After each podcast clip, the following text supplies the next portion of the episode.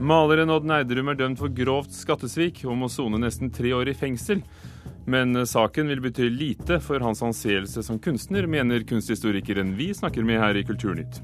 Forfatter Frode Grytten kommenterer språket i fotballen før kveldens EM-kamp. Og regjeringen foreslår to års lobbyforbud for tidligere statsråder. Kommunikasjonsforeningen vil heller ha mer åpenhet om politisk påvirkning. Og dette blir det debatt om her i Kulturnytt i NRK P2 med Ugo Fermariello i studio. Kunstneren Odd Nerdrum er dømt til to år og ti måneder i fengsel for grovt skattesvik. Det er klart etter at Borgarting lagmannsrett avsa dom i dag. Nerdrum er funnet skyldig i å ha solgt bilder for over 14 millioner kroner i utlandet, uten at han oppga dette til skattemyndighetene. Jeg mener dommen er helt gal. Eh, begrunnelsen er at eh, han er dømt for et eh, for inntekter han påviselig ikke kan ha hatt. Advokat Pål Berg har lite til overs for Borgarting lagmannsrett sin dom mot Odd Drøm. Kunstneren er dømt til to år og ti måneder i fengsel uten vilkår for grovt skattesvik. I tillegg må han betale til sammen 35 000 kroner i sakskostnader for behandlinga i tingretten og lagmannsretten. Bakgrunnen for dommen er at Odd Drøm ifølge dommen skal ha solgt bilder for over 14 millioner kroner i utlandet, uten å oppgi dette til norske styresmakter. Men Berg mener dette er en langt høyere sum enn det amerikanske styresmakter har opplyst til norske styresmakter. Det er da pussig at norske skattemyndigheter mener at han har hatt et langt høyere salg fra galleriet i denne perioden. Lagmannsretten stoler ikke på den forklaringa Nerdrum har gitt.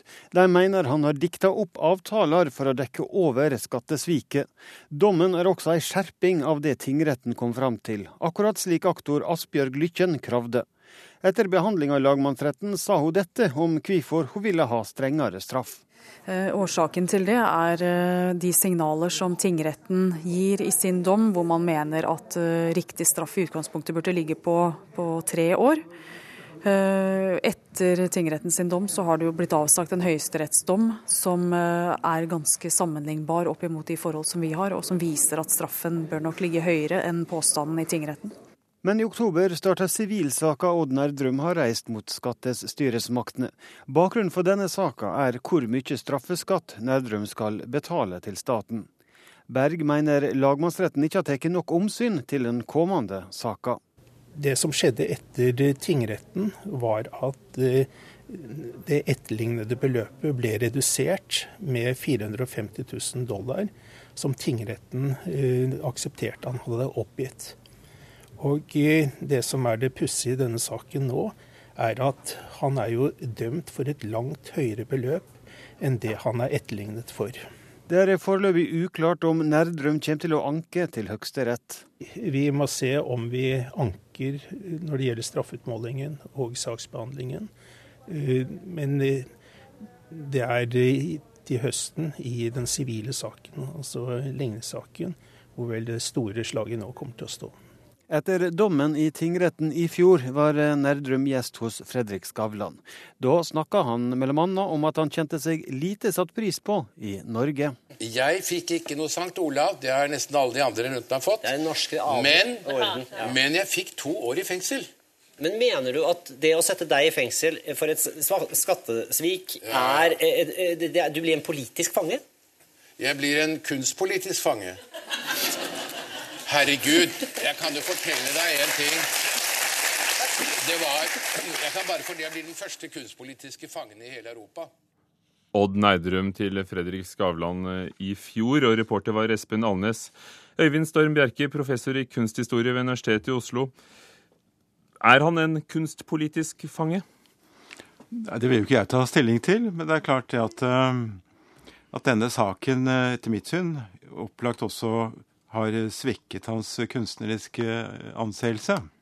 Men eh, hvordan? For eh, maleriene og verkene hans er jo de samme? Ja, er de helt de samme? Altså Det som har vært veldig fokusert på, og blitt veldig fokusert på denne saken her, det er jo disse maleriene han malte i sin tid, og som begynte å sige eller falle fra hverandre, for å si det sånn. Og eh, hvordan han da etter hvert har erstattet de med replikker, eller ja, replikker eller kopier, hva er det for noe? Altså Det blir jo en diskusjon i seg selv, ikke sant, som kan egne til å svekke spesielt ham, fordi han jo er en kunstner som på en måte har gjort et nummer ut av, og ønsket å bli sett på som en kunstner i tradisjonen fra de gamle mestere. Og da burde ikke dette ha skjedd. Men de gamle mestere malte vel også samme motiv flere ganger? Ja, men teknikken. Altså teknikken er også her veldig viktig, og det er jo noe han selv også har vært opptatt av.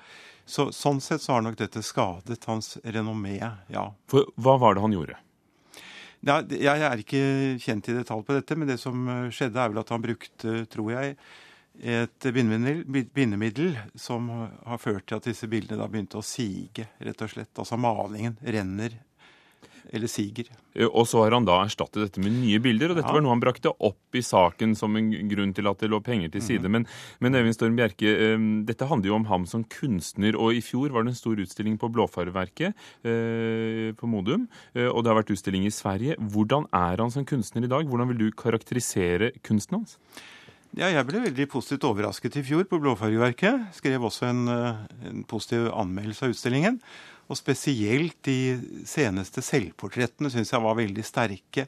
Og de var jo også influert, opplagt, av denne saken og det som er rundt det. Og, og de, de, hadde et sterkt uttrykk. Ja, for kan det eh, også være slik at en sak som denne, som handler om, om, om finanser og, og, og, staten og kunstnerne, kan det, kan det være med på å bygge opp en kunstnermyte rundt ham?